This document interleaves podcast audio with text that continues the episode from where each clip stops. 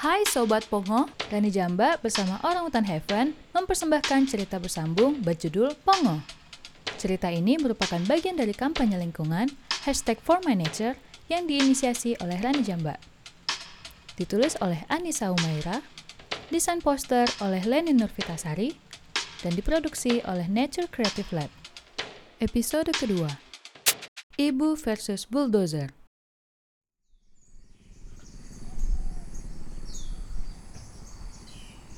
Hai, aku Cara dari keluarga Pongo Abeli. Aku ingin bercerita tentang perjuangan ibu melawan alat berat atau bulldozer yang sedang berusaha menebang pohon. Ya, pohon, tempat tinggal aku dan kawanan tempat kami bersarang, tempat kami berayun dan menghabiskan hari. Ya, pohon, dialah hijau yang kalian lukiskan untuk hutan. Ya, hutan yang sebentar lagi tidak lagi hijau, yang perlahan hilang. Kalian harus dengar cerita ini. Kalian harus tahu bagaimana perjuangan kami dalam mempertahankan hutan ini agar terus menghijau. Siang itu cukup cerah. Masing-masing melakukan kesibukan yang berbeda.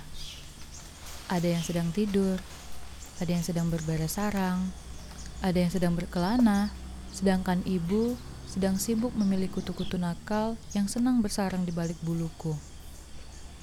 Namun, tiba-tiba keadaan berubah. Cerah tiba-tiba berhembus resah.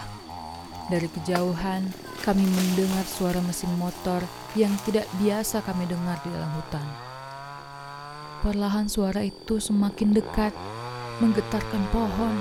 Sarang kami perlahan luruh. Sungguh, aku sangat ketakutan. Kami semua ketakutan. Aku memeluk ibu semakin erat. Ibu berteriak kencang memberi isyarat buruk kepada kawanan lainnya. Kami semua sahut bersaut-sautan semakin kencang, saling berkabar. Kami terancam. Kita terancam dan memutuskan lari bersembunyi ke mana saja. Ibu berlarian entah ke mana. Tangannya sebelah memelukku dengan erat.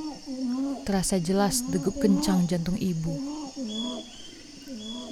Aku hanya bisa menangis. Ibu, cara ketakutan. Tanganku kian erat memeluk ibu. Suara mesin motor itu semakin dekat. Dari balik ranting, aku melihat alat berat berjalan masuk ke kawasan kami. Sangat besar. Warnanya kuning. Ada sekop besar, ada juga yang bercapit. Aku mencium bau minyak dan asap, persis seperti aroma kota. Aku juga melihat ada manusia sedang menggendong gergaji. Mesin yang sangat besar. Mata pisaunya banyak dan tajam dan mereka mulai beraksi.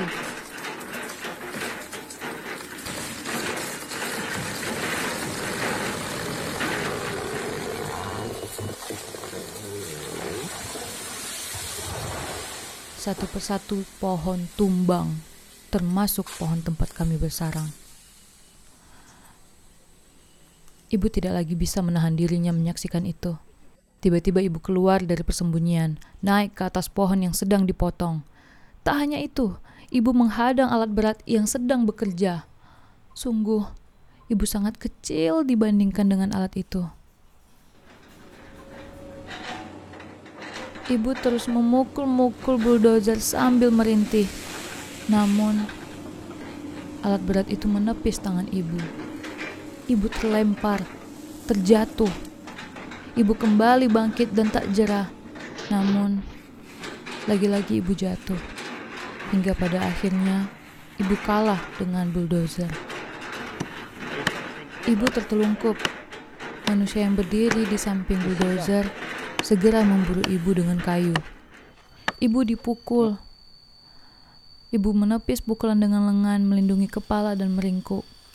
Setelah hujan pukulan itu mereda, ibu berlari tergopoh-gopoh masuk ke dalam belukar dan bersembunyi. Aku yang hanya bisa bersembunyi sedari awal dan mengintip dari balik semak belukar, segera menyusul ibu ke arah persembunyiannya.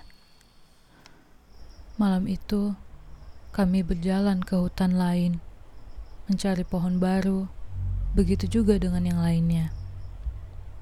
Sepanjang malam kami bernyanyi, menggaungkan seisi hutan, memberi isyarat kepada semesta bahwa kami sedang berduka. Kami berkirim rintihan kepada pencipta tentang ciptaannya telah berhasil menciptakan kiamat besar kepada sesama ciptaannya.